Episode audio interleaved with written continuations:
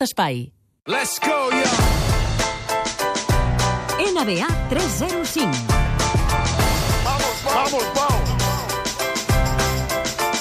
Dos quarts d'una. Pau Vituri, bona nit. Molt bona nit. Abans de començar la teva secció, deixa'm explicar que el Barça jugarà un partit amistós contra els Oklahoma City Thunder el dia 5 d'octubre. No està tancat encara, la data no és definitiva.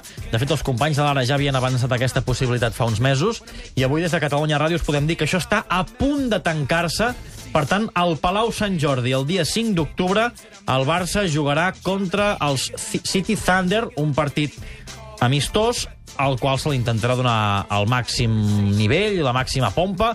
Veurem si amb la seva estrella, Aquí està la principal incògnita per donar pompa o no donar pompa. Kevin Durant, veurem si eh, ja encara juga en aquest equip o no, però en tot cas, i pendents dels calendaris de les competicions, tant de l'ACB com de l'Eurolliga, que encara no han sortit i que, per tant, podrien modificar aquesta data, 5 d'octubre, al Palau Sant Jordi veurem el Barça un altre cop jugant contra un equip de la NBA. Molen, no, aquests partits? Encara que siguin de no competició, però estan bé veure'ls per aquí a Barcelona. Sí... Ja està, no. ja m'ha sí, sí, no. per terra. Saps què passa? Que jo vaig anar a veure el, el Madrid-Boston Celtics, que van jugar la pretemporada passada, a l'octubre, i, home, es ven molt bé, eh, allò, tenir aquelles estrelles de la NBA a prop... Sí que és veritat que Boston... No, no, no, aquí tindrem entrades i no te'n donarem cap, No, no, tranquil, perfecte, perquè és una, una me, això, no te- no te'n donarem cap. No, no. No, no, no Alguna- alguna me'n guardeu, no? No, no, no, no, perquè això és un bunyol. Doncs serà- la notícia, serà espectacular, serà espectacular. Ara, home, Serà espectacular. Ara, espectacular. No, t'anava a dir que si venen estrelles sí que és espectacular. Va venir Boston a Madrid sense un home d'allò de, de renom que enganxés al, al públic. Sense el- Larry Bird, no? Sense, després el partit va ser el que va ser. Un... Escolta'm, uh, i, i Durant hi serà o no hi serà? Tu què creus? Jo crec que sí. Ah? Allò per fer una mica de caliu, no?, pel partit. He, he de dir que sí. No, um, Durant acaba contracte el 30 de juny. Hi ha molts rumors de que, mal, de que marxarà i altres rumors de que es quedarà. Uh, jo, si hagués d'apostar diners a dia d'avui, diria que es queda. Bé, no postarem res perquè el que ara estem pendents és de Stephen Curry. Ha tornat ja o no? Encara no ha tornat. Recordem que la setmana passada parlàvem d'un esquins de grau al genoll. Sí. Uh, deien dues setmanes mínim de baixa, per tant, portem vuit dies. Es parla potser pel tercer partit de la sèrie que està jugant ara mateix Golden State contra Portland.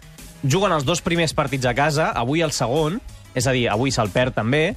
El tercer el juguen a Portland. En principi, ell mateix va dir l'altre dia que les opcions de jugar aquest partit eren bastant bones. I això quan és? Això és el dissabte, el cap de setmana. Val, o sigui, ja farà de... Farà dues setmanes sí, pràcticament, dues setmanes. que diu. Ah, Entrena ja aquests dies, però bé, de moment eh, no el troben a faltar al seu equip perquè estan guanyant tots sense ell. No han perdut sense ell. No han perdut sense ell eh, des de la lesió del, del genoll. Eh, de moment estan a la segona ronda, han guanyat el primer partit contra els Blazers i també, eh, bé, ara ja estem en plena segona ronda, eh, totes les eliminatòries. L'altra de l'oest és eh, San Antonio Spurs, Oklahoma City Thunder, mm. estan jugant. Uh, van 1 a 1 i deixa'm explicar breument el partit d'avui que han jugat aquesta matinada perquè ha guanyat OKC a casa de San Antonio de només un punt. Ok, sí, és Oklahoma. Sí, abreujat, va, sí. No ho sàpiga. Sí, sí. Ok, sí. Um, guanyen d'un punt. Van un amunt. Queden 13 segons. San Antonio recupera la pilota i no anota al final. En aquests 13,5 segons, no, els àrbitres no xiulen cap falta, uh, hi ha hagut cops de colze, de tot. empentes, estirades de samarreta... Que era Mateu Laoz. Pràcticament. L'NBA, el dia següent, el que fa és publicar un informe arbitral dels dos últims minuts de, de cada partit ajustat. Uh -huh. I avui han publicat el del, el del partit d'ahir, no? El San Antonio OKC. I què han dit? Quantes faltes no xiulades diries que hi va haver? Set. T'has passat. M'he Cinc. passat. Cinc. Home, clar. és Cinc que en set 13 faltes segons, eh? No, clar, 13 segons. Clar, és que pensava l'últim minut. No, No, no, no, en 13 en 13 segons, 5 faltes. I no xiulen cap. Home, això ni Obrevo està I per part d'un eh? equip i per part d'un altre, eh? Vull dir, aquí repartides. Però en 13,5 segons hi ha 5 faltes que s'haurien d'haver xiulat i no xiulen. Això és el que diu l'NBA.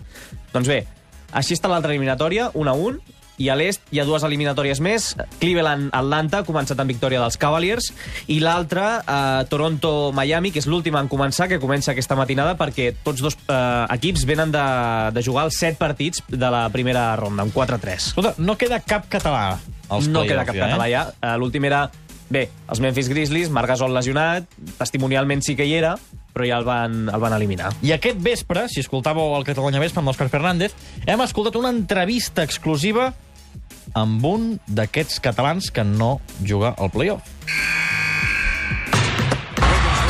Basket. Rubio's got it!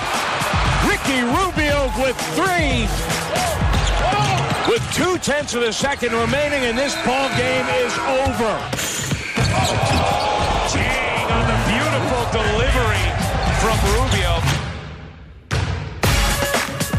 Ricky Rubio ha completat la seva cinquena temporada a l'NBA, tot just la segona en què ha pogut jugar més del 90% de partits.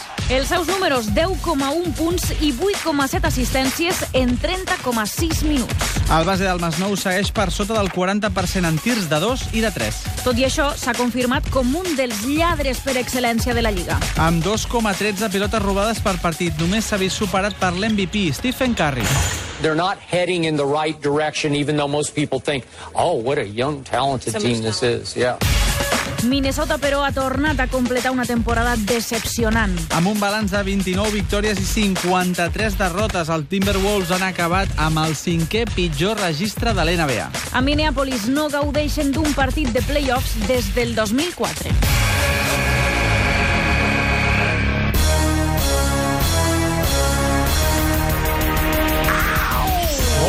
Temporada de Ricky Rubio, però aquí perdedorot, Ho hem no? escoltat ara al final. I aquesta última dada, eh, que escoltàvem al final també, eh, que Minnesota no- no juga als playoffs des del 2004, és una de les que el porten una mica més de, de corcoll, no? Perquè sempre quan torna aquí eh, al, a l'abril, quan l'eliminen de, de la temporada regular, li pregunten, clar, com ha anat la temporada, quin és l'objectiu de cara a la temporada que ve, i sempre diu el mateix, jugar a playoffs, jugar un partit de playoffs. Ell té 25 anys, vull dir, eh, sembla que porti una eternitat jugant, però encara és jove, i encara no sap què jugar a playoffs, i això es referia precisament durant l'entrevista. una espineta clavada, no? perquè veus, veus que els companys de, de, de la Lliga encara segueixen jugant i encara segueixen amb aquella adrenalina i, i tu estàs de vacances i ho veus des de la tele perquè t'agrada el bàsquet però t'agradaria pagar-la. No? És difícil, és difícil i és molt dur mentalment veure que any rere any no es compleix l'objectiu no? I, i bueno, sempre acabes amb l'esperança de que l'any que ve sí però comença a pesar, no? Bé, és una, és una llàstima pel, pel Ricky, que va allà a triomfar, i, i clar, es troba un equip que, que, que no, que no, que no és un, acompanya. un 0 de 5. A Minnesota, que per cert hi ha hagut canvi d'entrenador. Sí, intentant una mica en aquesta dinàmica eh, de canviar el rumb de la franquícia, doncs eh, ara mateix estava Sam Mitchell, que el van fer fora, era l'entrenador interí perquè el passat estiu eh, es va morir l'entrenador de, de Ricky Rubio, Flip Saunders, a causa d'un eh, càncer, i per tant ara han fitxat a Tom Thibodeau.